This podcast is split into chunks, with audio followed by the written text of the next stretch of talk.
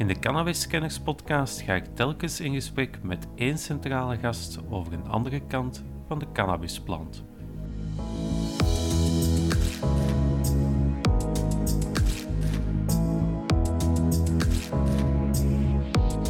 Ik zeg ja, uiteraard is drugs slecht. Dus dat is een soort moraliteit van, van de resultaten in plaats van de moraliteit van de goede bedoelingen.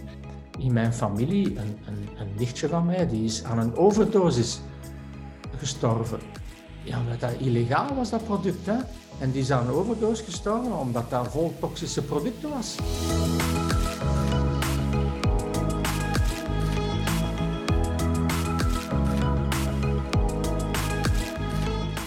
De gast in deze vierde aflevering is Paul de Grauwe, econoom en co-auteur van het boek Cannabis onder controle Hoe.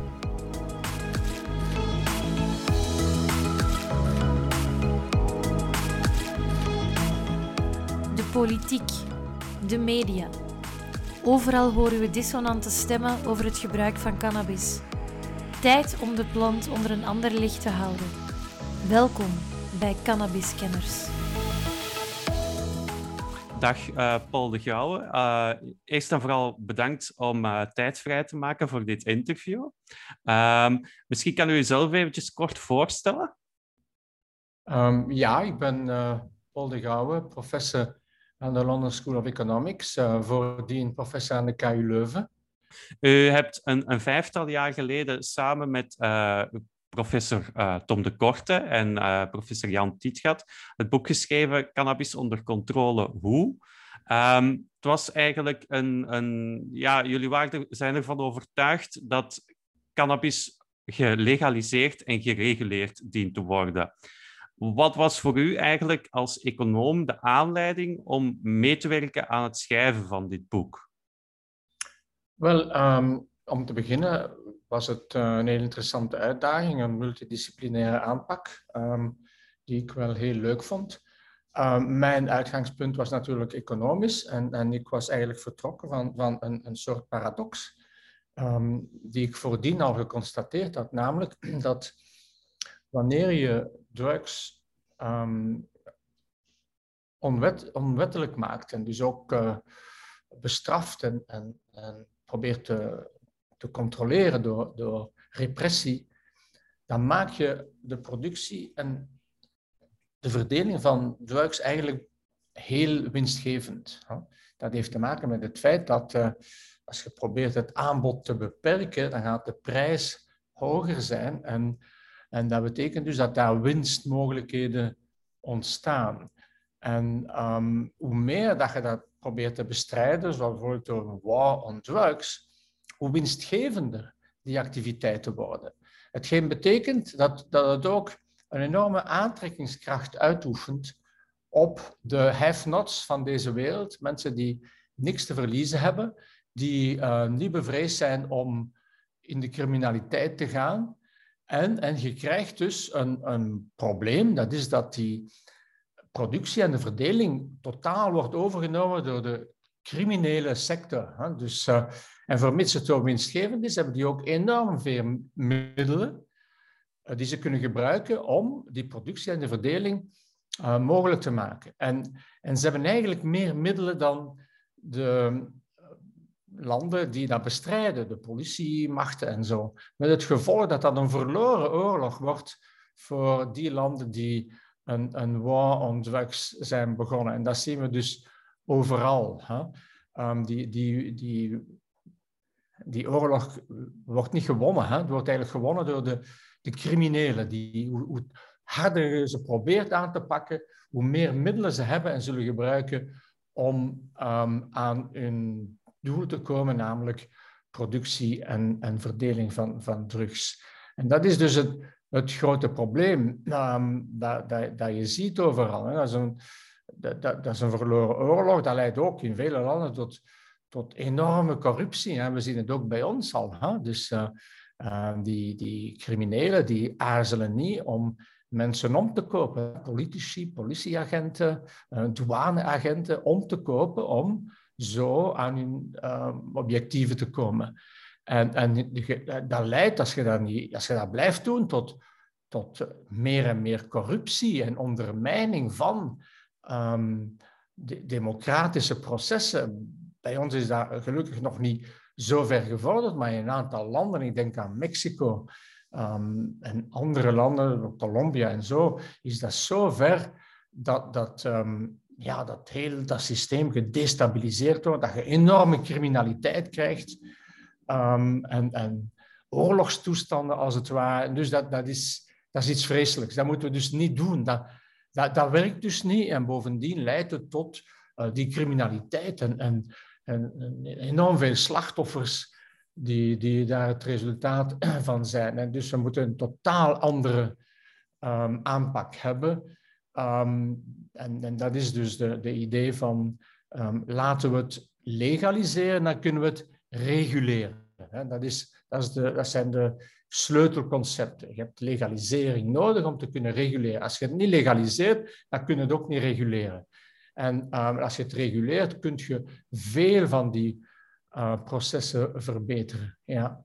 Ja. Dat was dus mijn uitgangspunt. Zo, hè? Ja. Dat was uw uitgangspunt. Um, een, een, een een uitgangspunt dat, dat heel logisch is. Maar waarom vindt dat niet echt weerklank tot nu toe in het beleid? Wat is daarvoor, denkt u, de oorzaak?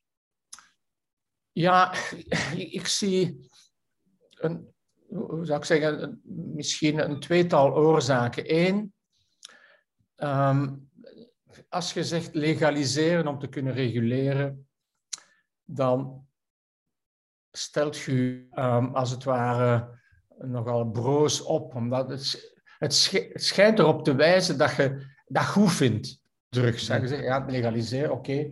En, en dus jij, jij zegt dat dat daarom goed is om, om drugs te hebben. Terwijl veel mensen reageren negatief, zeggen, nee, nee, nee, dat is slecht drugs. En we moeten dat dus bestrijden. Terwijl ik zeg, ja, uiteraard is drugs slecht.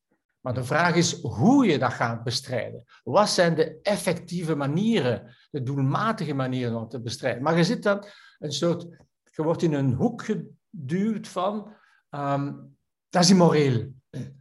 En je mocht dat dus niet, niet gedogen. En, en ja, als je zo'n moraliserend standpunt inneemt, dan, dan wordt discussie bijzonder moeilijk. Terwijl um, ik, ik neem het standpunt van uh, de moraliteit van de resultaten. Hè? Dus misschien raakt te veel verder in termen van beheersen van het probleem. In termen van vermijden van die grote criminaliteit, als je het legaliseert en dat dat dan de mogelijkheden biedt om te reguleren. Dus dat is een soort moraliteit van, van de resultaten, in plaats van de moraliteit van de goede bedoelingen. En nogal veel mensen die vallen voor een moraliteit van de goede bedoelingen. Je moet, je moet tonen dat je goede bedoelingen hebt. En, en, en helaas, politici die, die springen daarop. Hè. Vooral sommige politici die, die, die, die vrees kennen van die mensen. Hè. Die, en die, die springen daar dan op en die uitvergroten dat dan. Nee, mocht dat niet toelaten. En dus, ik denk dat er bij de politiek heel wat mensen zijn die bereid zouden zijn om in te gaan in de richting van legaliseren en reguleren. Maar ja, ze voelen zich bedreigd vooral door de rechterkant, hè, want het is vooral langs de rechterkant van het politiek spectrum dat je mhm. politici vindt die ingaan op de vrees van de mensen en zeggen nee, je mag dat niet toelaten en je moet dat bestrijden en oorlog op drugs en zo. En, en dat creëert een vrees, laten we zeggen, bij de andere politici. Ja, we mogen, we, mogen niet zomaar zeggen dat dat, dat, dat goed is. Hè? Nee, nee. Dus, en, en, en dat denk ik, dat is zo een beetje mijn analyse waarom het zo moeilijk is om dat te mhm. veranderen. Mhm. Oké. Ehm, laten we concreet dan naar cannabis kijken, want daar ging het boek dat jullie vijftig jaar geleden hebben geschreven eigenlijk over. Heeft men enig idee, of is daar ooit onderzoek naar gedaan, hoeveel geld er eigenlijk in die, die, die zwarte economie van cannabis omgaat? Welke bedragen spreken we dan over? Is daar onderzoek naar gedaan? Ja, daar, zijn, daar is daar onderzoek naar uh, geweest. Um, ik ken die getallen niet, niet van buiten, hoor. Uh, maar ja, dat zijn toch enkele honderden miljoenen mm um, euro's die daar um, ja, als ronddraaien, als het ware. Hè? Dus, uh, um, dus dat, is een, dat is een pak geld hè, dat je zou kunnen gebruiken. Als je het reguleert, kun je het ook belasten. Hè?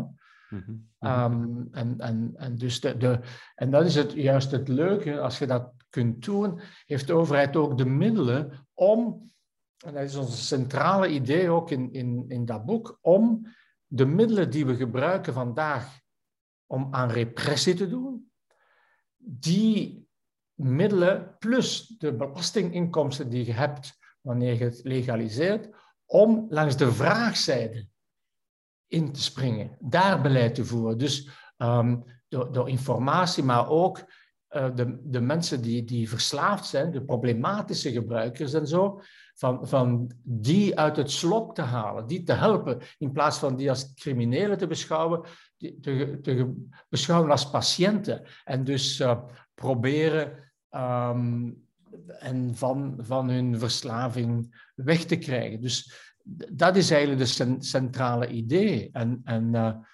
en dat, laat, dat, wordt allemaal mogelijk hè? wanneer je um, het geweer van schouder verandert. Ik gebruik dus het woord geweer nu, omdat, omdat we in die logica van waar we weg zitten. Ja. Maar waarbij we zeggen, kijk, in plaats van het aanbod proberen te beperken, want dat, dat werkt dus niet, want dat leidt tot criminaliteit en, en, en corruptie en, en, vreselijke dingen. Laten we middelen gebruiken om de vraagzijde, de consumptie, de mensen ertoe aan te zetten om, om geen of weinig drugs te gebruiken. En als ze verslaafd zijn, helpen om eruit te geraken. Dat is wat dat we nodig hebben. En, en dat, dat is waarschijnlijk doelmatiger en ook veel menselijker dan um, het, de repressieve aanpak. Ja, Uh, er zijn natuurlijk een aantal roesmiddelen die legaal zijn. Hè. De bekendste zijn natuurlijk alcohol en tabak.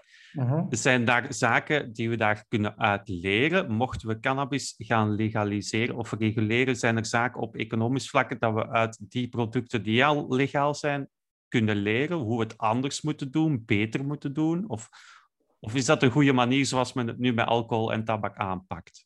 Ja, het is een, zeker een betere manier. Wat de optimale manier is, daar, ben ik nog niet zeker van. Maar in alle geval, beide activiteiten zijn legaal. Mm En dus kun je ze reguleren. Neem tabak bijvoorbeeld. Um, we reguleren dat. Hè? Dus de publiciteit en zo, die is aan banden gelegd.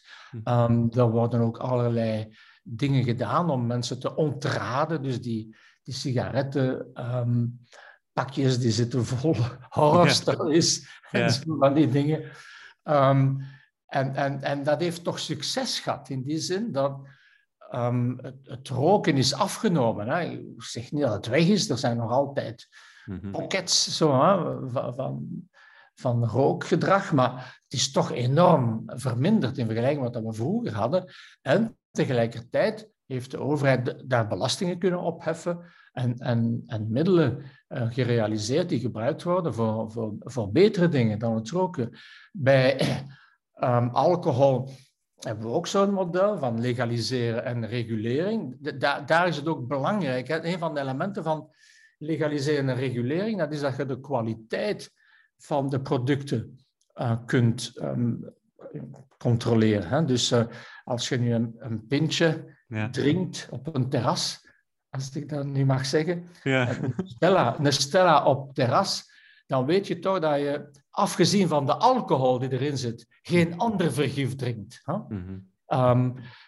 um, terwijl als je ja, op de, de markt, ik bedoel op straat of, of ik weet niet waar, drugs die illegaal zijn koopt, ja, wat zit daar allemaal niet in? Mm um, dus Jan die is daar specialist in en die legde daar toch de nadruk op wanneer we daarover praten. Dat is dat die, die producten zitten vol toxiciteit. Hè? Dus uh, allerlei dingen waarvan je denkt, hoe is dat nu mogelijk? Maar je hebt daar geen vat op. Het is illegaal, dus je kunt dat niet controleren. Hè? Terwijl als je het legaliseert, kun je ook het product zelf gaan reguleren zodanig dat het geen toxische elementen bevat die, die echt uh, um, in, in het graf kunnen brengen hè? Of, of zwaar ziek maken. En dat is toch een, een, een ander belangrijk voordeel van het model van, van legaliseren en regulering dat we nu hebben met, met alcohol. Ik vind voor alcohol bijvoorbeeld dat we de publiciteit op alcohol ook aan banden zouden moeten leggen. Dat, is, dat gebeurt helaas uh, nog niet of onvoldoende. Ehm, maar goed, dat is iets anders. Eh, dat hebben we dus wel gedaan met, met tabak, maar met alcohol. Blijkbaar is de lobby van, van um, ja, alcoholsector te groot om, om dat te doen. Hè? Maar goed, um, maar dat zijn toch betere modellen. Hè? En dus als ik zo'n pintje drink of sigaretten koop, ik, ik koop geen sigaretten, hè? maar als je dat doet, kom je niet in contact met criminelen. Hè? Ja. Dat is toch een, een, enorm probleem vandaag. Jonge mensen die drugs willen gebruiken, ja, met wie komen die in contact? Met criminelen. Mm -hmm. En de kans is groot dat ze zelf ook crimineel worden. Mm -hmm. Terwijl als je een pintje gaat pakken op het terras, kom je niet in contact met criminelen. Mm -hmm. Dat is toch ook een enorme vooruitgang in vergelijking met het model dat we gebruiken voor drugs. Ja, ja dat begrijp ik. Um, Um, als je gaat kijken naar andere landen, hè, neem bijvoorbeeld uh, de Verenigde Staten en Canada, daar zie je echt een, uh, laten we het zeggen, een cannabisindustrie ontstaan. Ja. Wat is uw mening daar dan over? Ik ben daar niet voor, nee. Ik denk dat we dat ook uh, moeten daar voorzichtig in zijn en dat we dat toch meer moeten reguleren. Dus het mag wel, laat mij het anders zeggen, het mag wel een industrie worden, mhm. maar het moet onderhevig zijn aan voldoende regulering. En niet zomaar de vrije markt. Je mag doen wat je wil, publiciteit. En zo, ik denk bijvoorbeeld, dat is ook het model dat we voorstellen in ons boek, dat publiciteit uh, niet kan. Voilà. Zoals dat ook niet kan met, met sigaretten. Voor de rest moet je het wel doen, hè, maar geen publiciteit. Terwijl in, in de VS nu constateer ik dat, dat je daar publiciteit kunt voor doen. Hè. En dus dat, dat vind ik dat, dat dat te ver gaat. Dat is niet goed. Moeten mensen niet aanzetten om die dingen te doen. Ja, ja oké. Okay. Um, de Verenigde Staten, uh, Canada, ik noem nu inderdaad twee voorbeelden. Er zijn nog andere voorbeelden die het anders aanpakken? Uruguay, Portugal.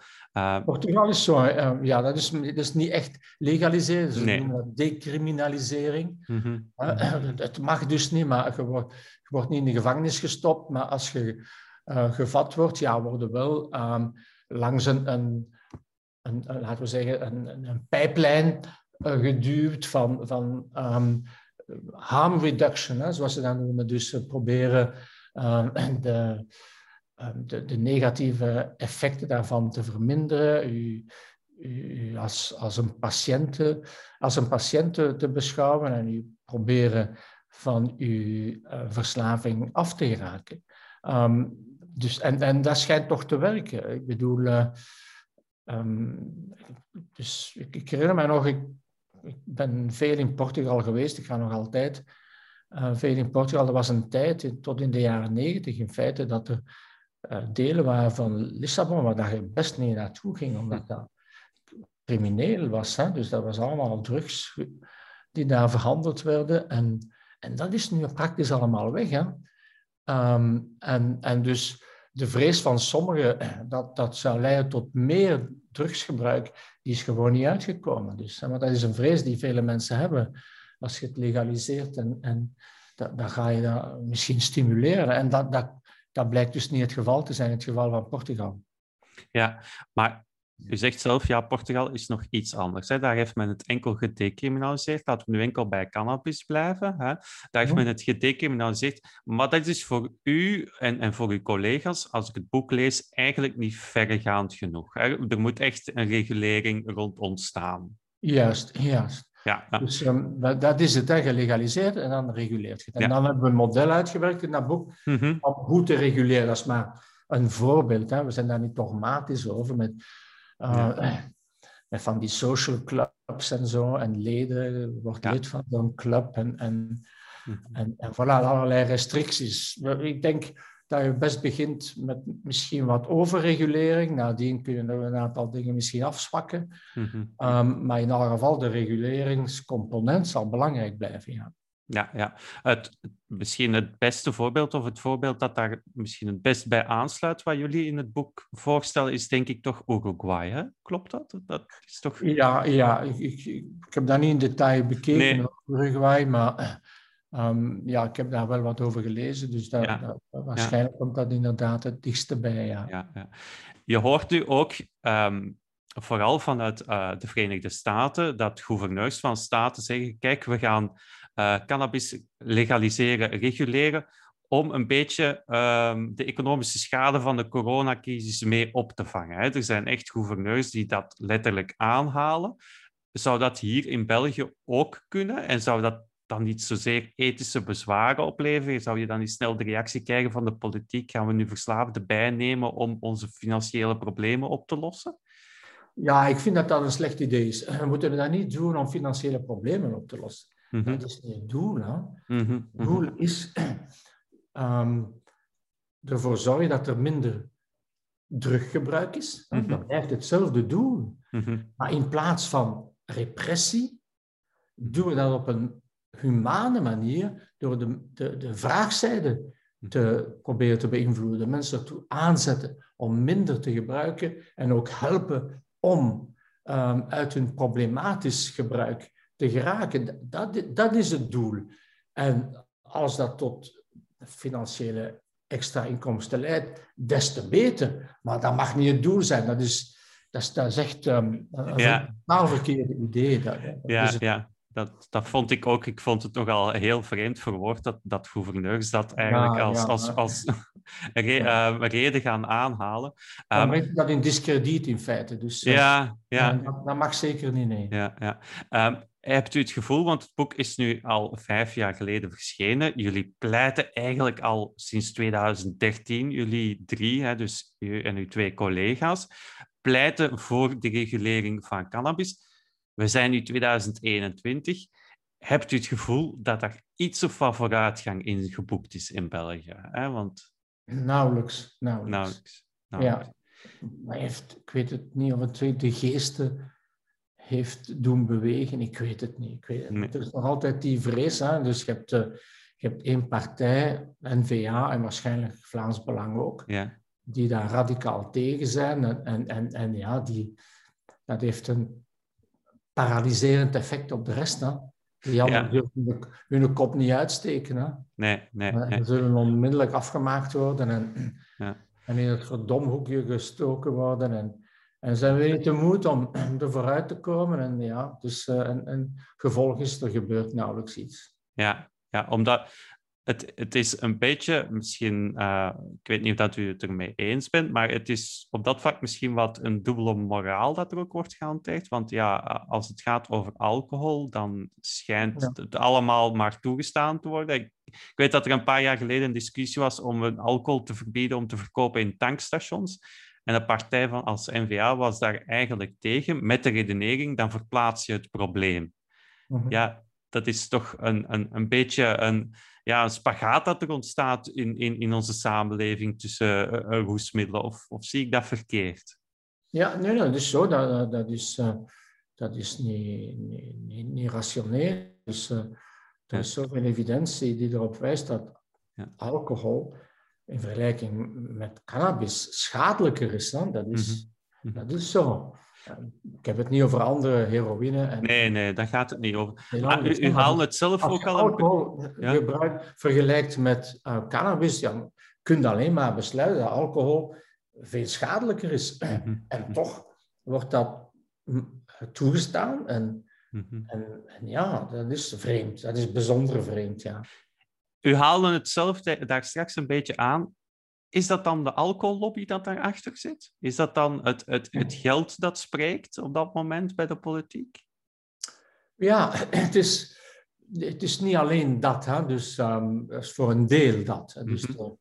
de, de, de, lobby, de lobby van, van de biersector, de lobby ook van de wijnsector en, en ja. noem maar op. Maar het is ook een, een hoe zou ik zeggen, een cultureel ding. -hmm. Dus uh, het, het, is, het wordt niet als iets negatiefs gezien om pintjes te drinken en zat te worden. Mm -hmm.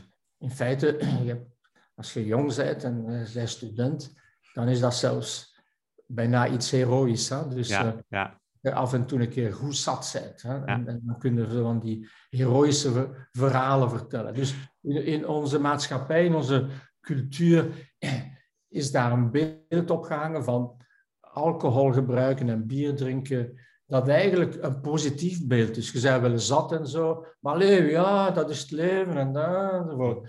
Terwijl die drugs, dat heeft een negatieve connotatie. Hoe is dat ontstaan? Weet ik niet goed. Maar, dus dat speelt ook een mee. Hè? Dus het is niet mhm. alleen de lobby. Beide spelen, spelen mee, denk ik, ja. U hebt gezegd, een ander, een ander drugsbeleid is in het belang van alle burgers. Wat bedoelt u daar juist mee? Ik denk dat u dan met alle burgers bedoelt de burgers die eigenlijk nooit in aanraking komen met uh, cannabis of andere drugs. De repressieve aanpak leidt tot criminaliteit. Mhm. Criminaliteit op straat ook. Hè?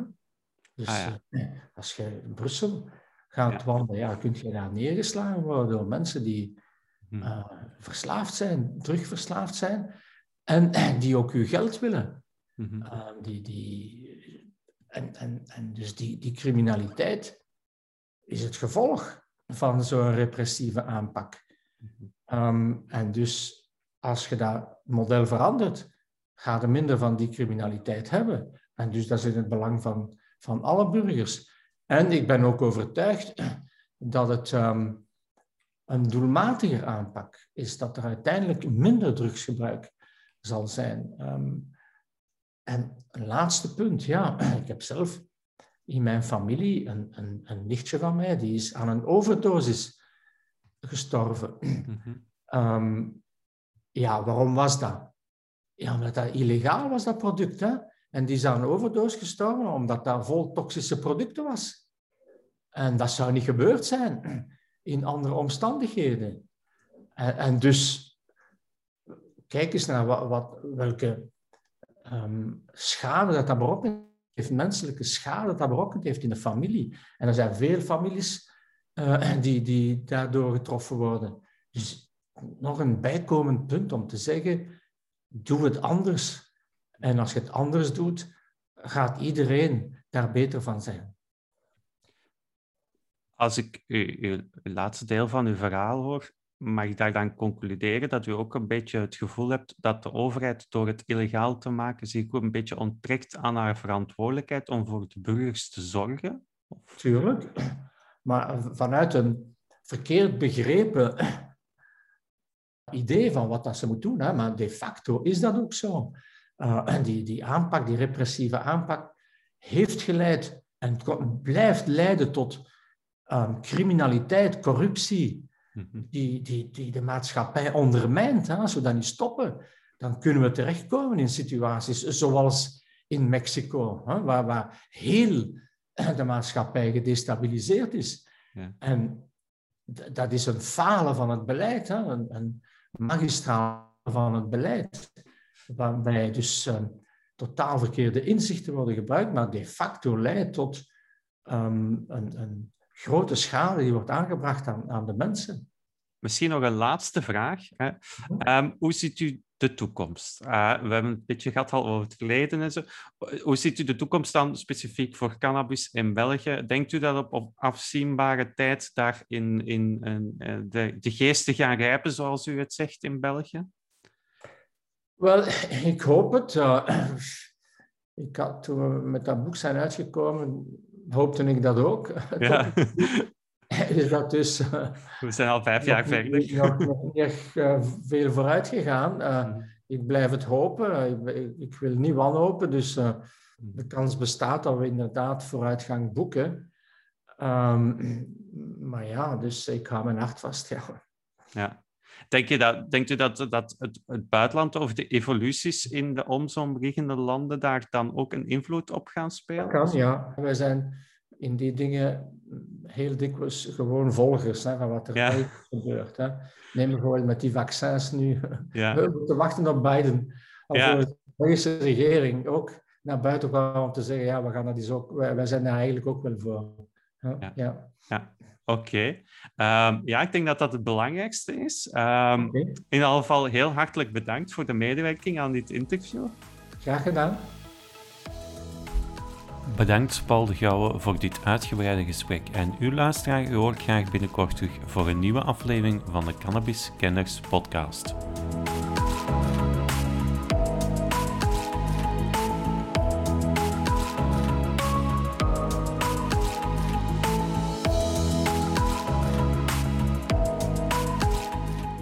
Meer podcasts? Ga naar www.cannabiscanners.be of voeg Cannabiscanners toe in je favoriete podcast-app. Heb je een vraag of wil je graag iets delen? Mail dan naar info.cannabiscanners.be.